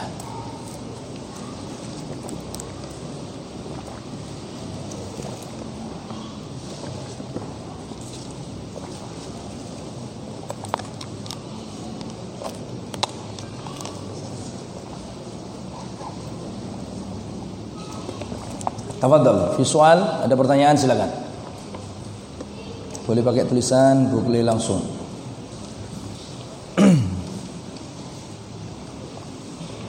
Tafadhal. Saya lanjutkan lagi karena ternyata masih ada materinya. Wa fi asrinal hadir ma yad'ul muslimu ikhwanahu ilal akhlaq was sidq wal amana la tajid mu'aridan lahu. Sama dengan zaman sekarang, kalau engkau melihat ada seorang dai menyeru kaum muslimin, saudara-saudaranya kepada akhlak, kepada kejujuran, kepada amanah, la tajid mu'aridun lau. Maka niscaya dai itu tidak menjumpai pertentangan dari kaumnya. Ngejak orang baik, ngejak orang jujur, ngejak orang amanat, pasti tidak ada yang menentang dakwah seperti itu. Faidah qama yatu tauhid, tetapi kalau ada seorang dai mengajarkan kepada manusia tentang tauhid, Jangan sedekah bumi, jangan larung kepala kerbau di laut, meskipun dikatakan kearifan lokal oleh pemerintah sebagian pemerintah sekarang. Sekarang di, dihidup-hidupkan lagi tuh. Perlombaan sedekah bumi dinilai oleh pihak Pemkot ada, dan ini tidak benar. Ya, harus disadarkan bahwa itu sebenarnya ada tradisi apa? Jahiliyah. Dulu Kiai Haji Ahmad Dahlan, Syekh Surkati, Ahasan datang itu menghilangkan kayak gitu-gitu. Nah sekarang mau dihidup-hidupkan lagi nih. Ini tidak boleh. Jadi kalau kita mengajak orang birrul walidain, menyambung silaturahim, jangan korupsi, setuju semua. Nggak ada yang nentang. Tapi kalau sudah kita membahas apa? Bab tauhid pasti akan ada para penentang dan itulah sudah menjadi sunnah para rasul. Kemudian akan dikatakan Wahabi. Nah, di sini akan ada wayakuluna anhu Wahabi. Orang yang mengajak ke tauhid, mengajak ke sunnah Nabi pasti akan dituduh Wahabi. Padahal Wahab itu nama Allah. Al-Wahhab yang Maha memberi. Kalau kalau kalau seandainya kita diberi julukan Wahabi, pengikutnya Al-Wahhab. Al-Wahhab itu siapa? Allah. Ya tidak apa-apa kalau itu. Kita memang Wahabi, pengikut Allah Subhanahu wa taala, bukan Wahabi seperti yang mereka tuduhkan. Wallahu a'lam. Makanya kita senantiasa mengajak manusia ketika datang hadis kepada mereka, ketika kita bacakan hadis, idza sa'alta fas'alillah. Kalau minta minta kepada Allah. Wa idza sta'anta fasta'in billah. Kalau minta pertolongan mintalah kepada Allah. Maka mereka langsung mengatakan ini hadisnya Wahabi. Kalau ada Al-Quran mengatakan la'anallahu yahuda wan nasara ittakhadhu kubur anbiya'ihim masajida. Laknat Allah bagi Yahudi dan Nasrani menjadikan kuburan-kuburan para nabi sebagai tempat ibadah. Oh, hati-hati ini hadisnya Wahabi loh. Hadis kok hadisnya Wahabi? Ya hadisnya Rasulullah. Nah, makna dari hadis kan ma'udhi fa'ilan nabi apa saja yang diidofakan kepada nabi, apa saja yang disandarkan kepada nabi. Ini nggak boleh ya. Jadi Jadi harus sabar dan mesti ada penolakan seperti itu dan itu menjadi sunnatullah kita harus bersabar. Jadi gini, ini sudah pernah saya sampaikan di tempat lain. Ada hadis dalam riwayat Bukhari Muslim, saya tutup dengan kisah ini. Saya tanya jawab. Ada hadis Bukhari Muslim dari sahabat Abdullah bin Mas'ud radhiyallahu anhu. Abdullah bin Mas'ud melihat Rasulullah menceritakan nabi terdahulu. Paham sampai sini? Ada nabi terdahulu dipukuli kaumnya sampai berdarah-darah.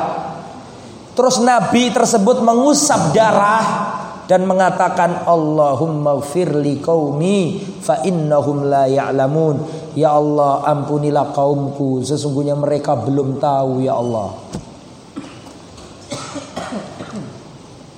Al-Imam Muslim mencantumkan riwayat tadi ketika beliau menyantumkan bab perang Uhud.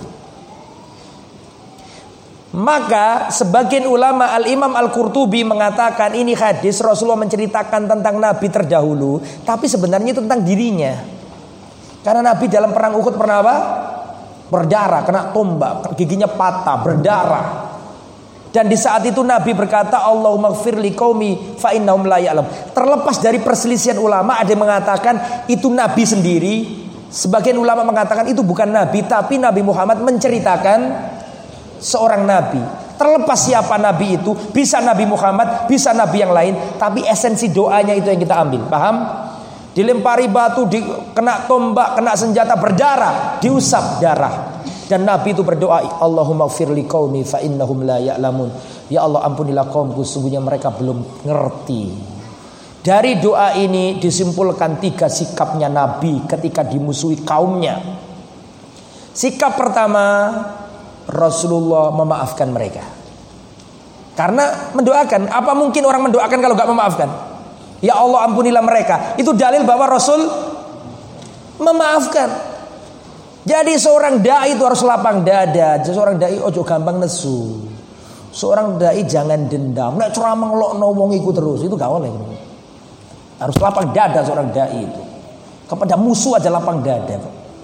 Ya, antum tahu Nabi Musa alaihissalam. Nabi Musa nih ketika kematian ketemu sama dua wanita dinikahkan oleh bapaknya salah satu Nabi Musa punya istri. Nabi Musa ketika sudah punya istri balik ke Mesir berdakwah. Eh, kalau berdakwah harus punya istri itu. Ya, Nabi Musa berdakwah balik ke yang yang jomblo jangan tersinggung. Ya, ketika sudah punya istri, Nabi Musa balik ke mana? Jawab ke mana? Ke Mesir. Di tengah perjalanan di Sinai, di di Bukit Tur, waktu di Bukit Tur itu, ya Bukit Tur ya. Eh?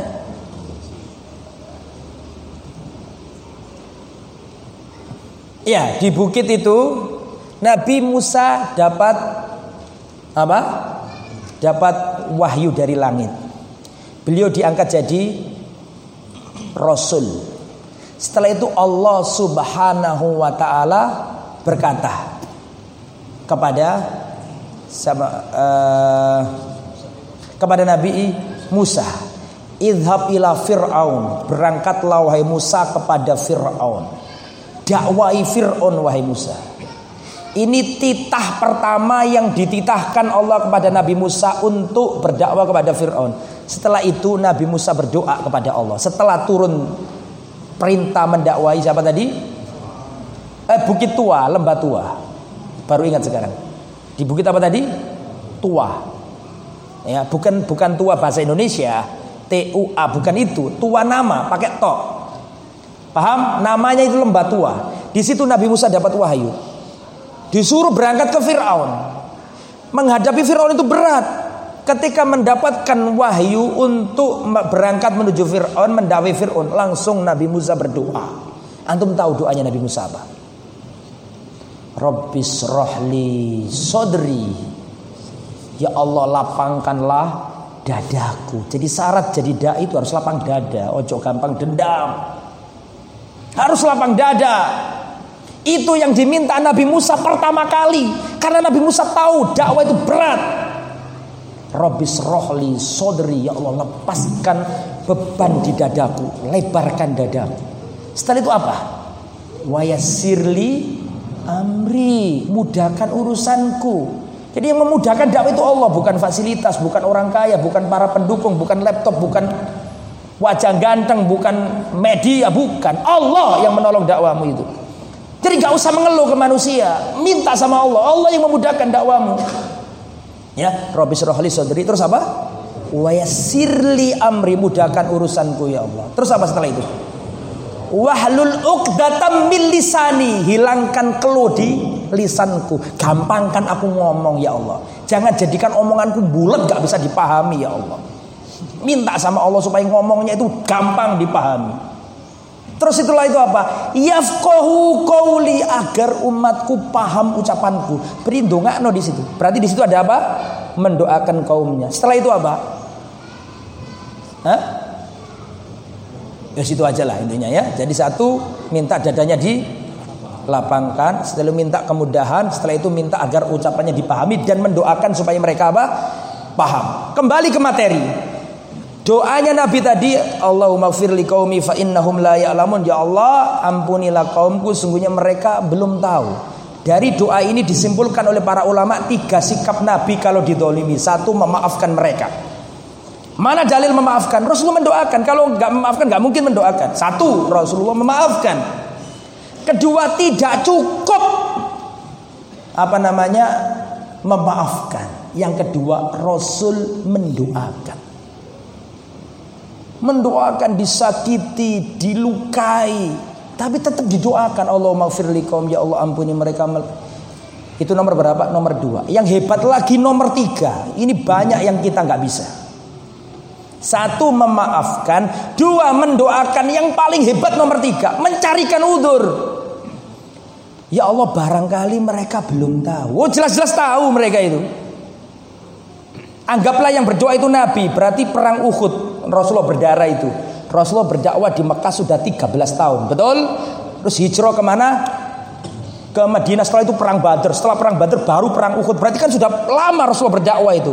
Rasulullah sudah nyampaikan kepada mereka tentang tauhid, inti tauhid, pentingnya tauhid. Tetapi Rasulullah tetap mencarikan udur, gelek no udur.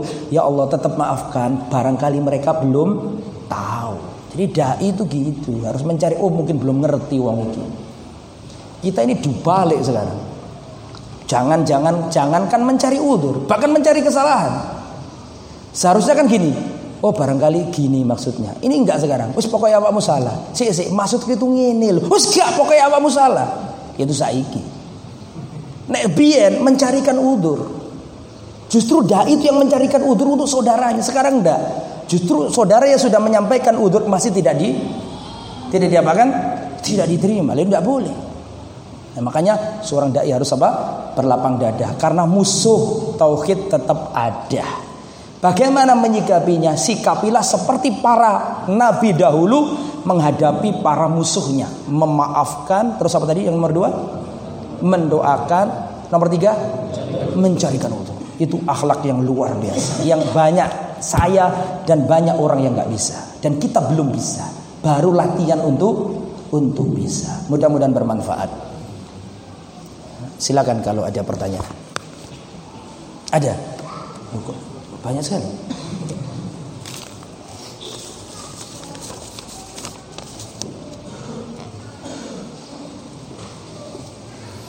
Assalamualaikum Ustaz. Waalaikumsalam warahmatullahi wabarakatuh. Afan pertanyaan di luar tema. Boleh kita mencoret-coret Al-Quran Dengan tujuan mempermudah menghafalnya? Insya Allah tidak apa-apa. Mencoret-coret mushaf Al-Quran Bukan mencoret-coret apa? Al-Quran. Al-Quran itu ya kalamnya Allah yang diturunkan kepada Nabi Muhammad SAW Adapun yang kita baca ada kertasnya itu namanya Mushaf Al-Quran. Jadi boleh apa enggak Insya Allah tidak mengapa misalnya sampai ikut kajian tafsir surat Al-Fatihah. Paham ya? Baca Quran ada terjemahannya terus ustadznya jelaskan maksudnya Ar-Rahman Ar-Rahim itu seperti ini. Ar-Rahman itu artinya yang maha pengasih. Ar-Rahman maha pengasih. Ar-Rahim maha penyayang. Rahman itu kepada orang kafir juga Allah memiliki nama sif nama Ar-Rahman yang maha pengasih. Lah Ar-Rahman ini lebih luas daripada Ar-Rahim. Orang kafir pun dapat karena Allah punya sifat Rahman. Orang kafir masih memilih diberi oksigen. Orang kafir meskipun mereka nyembah selain Allah tetap Allah tunggu tobatnya, tetap dikasih kehidupan. Itu karena Ar-Rahman. Tapi kalau Ar-Rahim itu khusus untuk orang yang beriman. Nah itu nggak mungkin diketahui kalau nggak belajar, paham ya? Terus orang belajar pakai mushaf Al-Quran terus oh ini dikasih tulisan misalnya. Mushafnya tadi itu Ar-Rahman ini rahmat yang sifatnya luas, mencakup orang kafir. Rahim ini rahmat yang khusus hanya mencakup orang yang beriman. Boleh nggak ditulis di mushaf Al-Qur'annya kayak gitu tadi? Jawabannya boleh. Yang nggak boleh itu nyoret-nyoret ngubah harokat.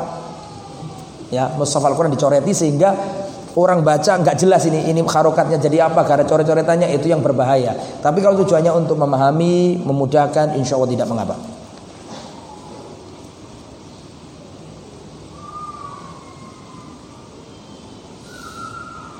Assalamualaikum Waalaikumsalam warahmatullahi wabarakatuh Lata dan Uzza adalah berhala orang soleh. Menurut mereka orang soleh, ya, karena dulu kan zaman jahiliyah. Dan juga Uzza adalah pohon. Lalu bagaimana dengan apa yang saya dengar bahwa Amr bin Luhai membawa dari negeri Syam Afan Ustaz apa yang dibawa oleh Amr bin Luhai itu Lata dan Uzza bukan? Jadi gini gini, tadi kan saya jelaskan penyembahan berhala pertama kali di zamannya siapa tadi? zaman kaumnya Nabi Nuh. Lalu bagaimana kok bangsa Arab itu nyembah berhala? Dulu bangsa Arab itu tauhid, ikut agamanya Nabi Ibrahim, agama Hanif. Betul ya? Setelah itu dilanjutkan Nabi Ismail. Setelah itu nanti dilanjutkan Nabi Muhammad. Agama tauhid. Terus kenapa bangsa Arab kok menjadi berha, penyembah berhala? Karena seperti disebutkan oleh saudara penanya tadi, ada orang Arab namanya Amr bin Luhai. Ini orang yang dosanya besar ini. Gara-gara dia ini bangsa Arab menjadi penyembah berhala. Amr bin Luhai ini pergi ke tanah Syam. Tanah Syam itu kan negerinya para nabi, betul? Nabi Isa di sana, Nabi Musa di sana, Nabi Yakub di sana, Nabi Nabi Yahya di sana, Nabi Ishak di sana, banyak para nabi di negeri Syam. Jadi Amr bin Luhai ini menganggap bahwa negeri Syam ini negeri diberkati dan memang diberkati. Negeri Syam itu negeri, yang diberkati. Maka Amr bin Duha ini tertipu dan mengatakan kalau negeri Syam, negerinya para nabi saja nyembah patung, maka saya berinisiatif, saya bawa patung ini saya bawa ke Arab supaya orang Arab pun melakukannya. Paham maksudnya? Amr bin Luhai membawa beberapa patung dibawa ke tanah Arab disembah. Ini orang pencetus penyembahan berhala di tanah Arab. Tetapi bukan Lata dan Uzza. Termasuk Lata dan Uzza itu termasuk terinspirasi dengan siapa tadi? Siapa tadi namanya? Amr bin Luhai. Jadi jawabannya bukan Lata dan Uzza yang dibawa oleh siapa tadi? Amr bin Luhai. Tetapi dia pencetusnya. Allahu a'lam.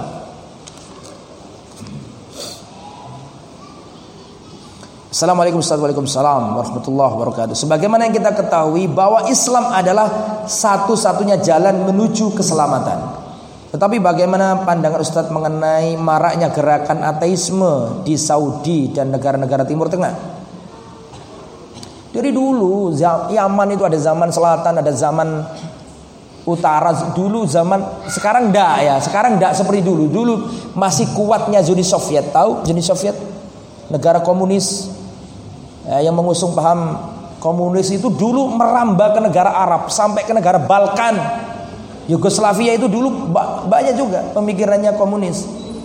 Di antara saya Albani hijrah dari Albania menuju Tanah Sam ya karena pemimpin di negeri Albania pada waktu itu punya pikiran apa? Komunis. Dan ke Arab. Palestina ada partai komunis Palestina pada waktu itu banyak ya. Tapi sekarang enggak. Di Saudi semarak kalau katakan semarak enggak. Kalau ada bibit ya mungkin, tapi kalau semarak ya jelas mana semarak di sana. Pengen sama rajanya sama apa sama apa polisi syariah kan gitu kan ya. Tapi kalau ada mungkin saja karena karena tanah suci tidak bisa mensucikan orang yang ada di atasnya. Tanahnya memang tanah suci Makkah dan Medina. Tetapi gak mesti orang hidup di Makkah Medina terus orangnya baik gak mesti. Paham maksudnya ya? Tanah suci tidak bisa mensucikan orang yang ada di atas. Yang suci itu turut tergantung amalan dia. Ya, tapi mayoritas Saudi insya Allah masih dalam kebaikan. Apakah maksum tidak? Ada bibit-bibit ya mesti ada. Tetapi kalau dikatakan semarak di Saudi paham ateis sangat tidak apa? Tidak benar. Tapi kalau mungkin ada, mungkin ada. Tapi kalau dikatakan banyak, tidak banyak. Kalau di negara lain mungkin ada. Jangan dikira loh partai komunis tidak ada di mana? Di Arab banyak, ada. Apalagi di zaman masih kuatnya Zuni. Tapi kalau sekarang ya ada tapi tidak seperti dulu. Bagaimana tanggapan kita? Ya gak benar itu dan semoga pemimpin-pemimpin Arab sadar dan harus meninggalkan pemahaman itu. Wallahu a'lam.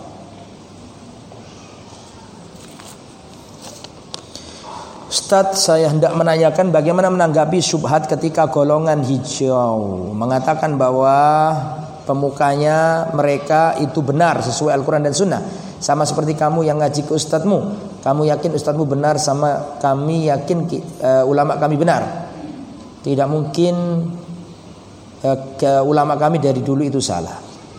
Ya intinya gini ya, kebenaran jangan diukur dengan manusia.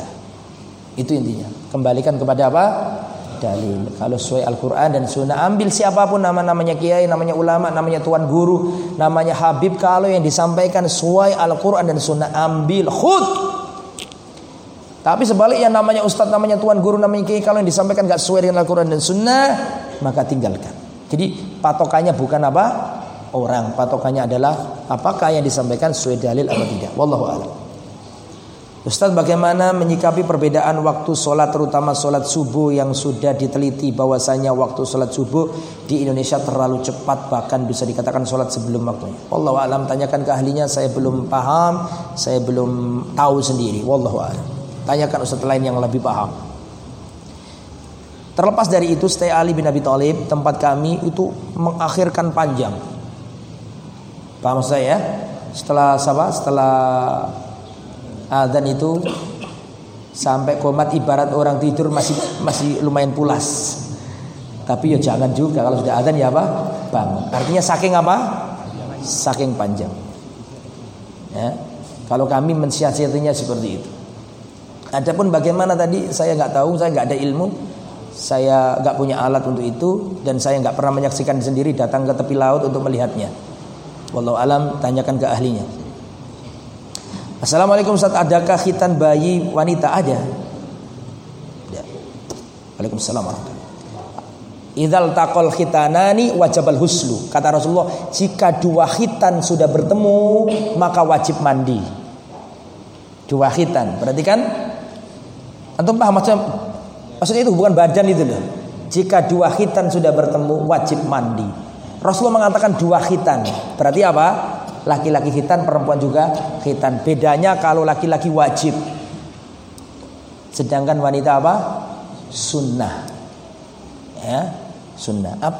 Yang mananya yang disunat? Tanya istrimu. Ya, tanya bidan. Kalau di Betawi seperti itu, setahu saya. Anak saya yang pertama yang kedua itu ketika lahir di Jakarta, waktu di bidan langsung ditawari sunat apa enggak? Karena memang seingat saya walau alam mungkin di sini ada yang dari Betawi. Betawi biasanya wanitanya di disunat. Itu dulu ya nggak tahu sekarang ya. Dan apakah itu sesuai sunnah Nabi? Iya ada. Oh, Nabi sendiri mengatakan idal takol khitanani wajibal huslu kalau dua khitan bertemu wajib mandi. Berarti laki-laki khitan, perempuan khitan. Cuma kalau wanita itu apa? Sunnah, mencerahkan wajah. Kata Rasulullah wasallam. Ya silakan anaknya di tapi harus tahu ya mana yang di kita harus paham. Jangan asal main hit potong saja ya. Mohon referensi Ustadz khitan wanita di mana Ustadz? Oh Allah alam saya nggak tahu. saya nggak tahu. Tanya yang tahu. Assalamualaikum Waalaikumsalam warahmatullahi wabarakatuh Dulu di sekolah saya pernah dijelaskan bahwa ayat ikro bacalah penafsirannya adalah membaca situasi sehingga dakwah itu kontekstual dan hukum-hukum dalam Al-Quran itu harus kontekstual. Apakah penafsir ini benar Ustaz? Wallahu a'lam. Bismillah, apakah bid'ah bisa menjerumuskan ke syirik? Bisa. Dan para ulama akan menjelaskan al bid'atu baridul kufri. Bid'ah itu perantara menuju kesyirikan. Saya mau tanya. Tadi kita jelaskan tadi itu loh. Kita jelaskan awal mula penyembahan berhala itu kan pertama nggak disembah. Cuma bangun apa? Bangun patung pertama nggak sampai syirik, cuma bid'ah. Perbuatan baru dulu udah ada seperti itu. Bermudah-mudahan membuat patung-patung akhirnya lama kelamaan menjadi apa tadi? Menjadi wasilah menuju kesyirikan.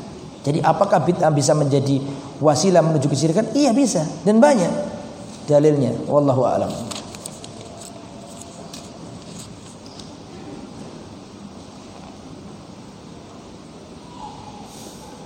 Assalamualaikum warahmatullahi wabarakatuh Mana yang harus diutamakan Menghindari kezoliman atau bersabar? Menghindari kezoliman bagian dari Kesabaran. Menghindari dari kezoliman juga bagian dari apa? Kesabaran. Mana yang diutamakan menghindari kezoliman atau bersabar? Allah alam.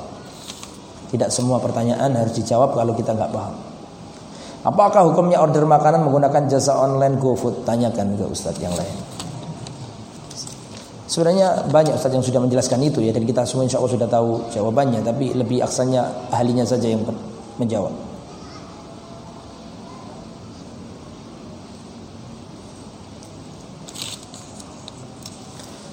Bismillah afwan melenceng Ustadz Jangan melenceng ya Di luar tema melenceng, menyimpang, kadang-kadang ada yang menyimpang. Ustaz Afwan menyimpang. Jangan menyimpang ya. Kita datang ke sini untuk tidak menyimpang. Bismillah Afwan melenceng Ustaz. Maksudnya di luar tema. Apakah beasiswa yang diadakan oleh bank dan rokok seperti merek disebutkan di sini, merek ini, merek itu dan lain-lain, ini boleh diikuti? Jangan. Kalau dari bank, dari rokok jangan. Barakallahu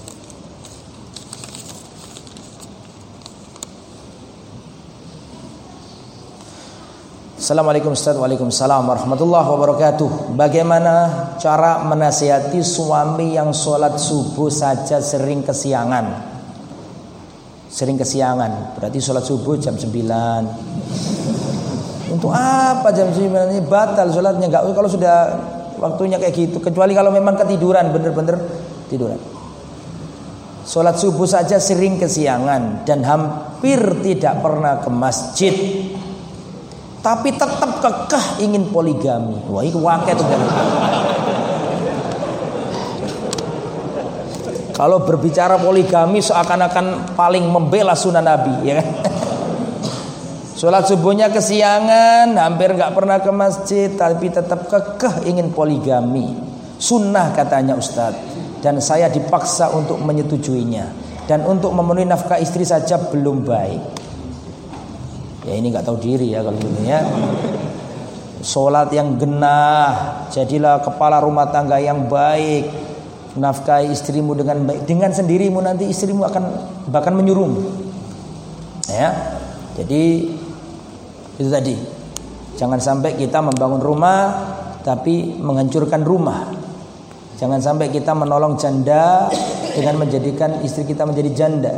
Jangan ya harus diperbaiki akhlaknya kepada istrinya diperbaiki nafkahnya. Kalau sama satu istri saja nafkahnya belepotan ya bahaya khawatir nanti. Kalau nikah lagi malah terlalaikan uh, hak-haknya istri yang pertama. Dan ini zalim tidak boleh. Ya jadi seperti itu ya. Harus poligami itu memang syariat Islam. Dan izinnya istri pertama itu bukan syarat. Saat dia menikah tanpa izin boleh kalau sekedar sah apa? Tidak sah. Tetapi seorang laki-laki yang baik ya di antara tanda seriusnya dia, dia dalam berpoligami adalah dia bermusawar dengan istrinya. Dia memberitahukan itu ke istrinya. Apalagi seorang seorang suami nikah siri dengan istri yang kedua. Di antara bukti keadilanmu adalah kamu tidak mensiri istri kedua. Kalau kamu mensirikan istri kedua, itu artinya kamu nggak bisa adil. Kamu tampakkan di manusia ini istri saya, tapi di sisi lain kau punya istri lagi tidak kau tampakkan ke manusia. Bahkan kau malu kalau ketahuan orang. Ini kau sudah gak adil namanya. Karena di sini kau perlakukan dia sebagai istri, kau perlakukan ini sebagai simpanan. Itu sudah gak adil namanya. Itu belum nanti nafkahnya, belum nanti bagaimana dia dalam mendidik anak-anaknya. Jadi harus belajar kalau sudah mampu secara finansial, mampu secara ilmu, ya mau nggak silakan. Tapi kalau belum ya bertakwalah kepada Allah terhadap putrinya hamba Allah. Wanita yang kamu nikah itu itu putrinya hambanya Allah. Dia dididik oleh orang tuanya dengan harapan yang mulia, jangan kau rusak. Makanya silakan berpoligami kalau sudah uh, mampu mengerti ilmunya, sudah mampu secara finansial dan bisa berbuat adil monggo silakan. Allahu a'lam bishawab. Ada lain? Sudah cukup? Semoga bermanfaat. Mohon maaf atas segala kekurangan dan kekhilafan. Semoga Allah mengampuni dosa kita semuanya. Kalau ada perkataan saya yang salah, maka menyinggung perasaan, tolong saya dimaafkan dan kita berdoa memohon ampunan agar dosa-dosa kita diampuni oleh Allah. Subhanakallahumma wa bihamdika asyhadu an la ilaha illa anta astaghfiruka wa atubu ilaik. Wassallallahu ala nabiyyina Muhammad wa ala alihi wa sahbihi ajma'in wa akhiru da'wana alhamdulillahi rabbil alamin. Wassalamualaikum warahmatullahi wabarakatuh.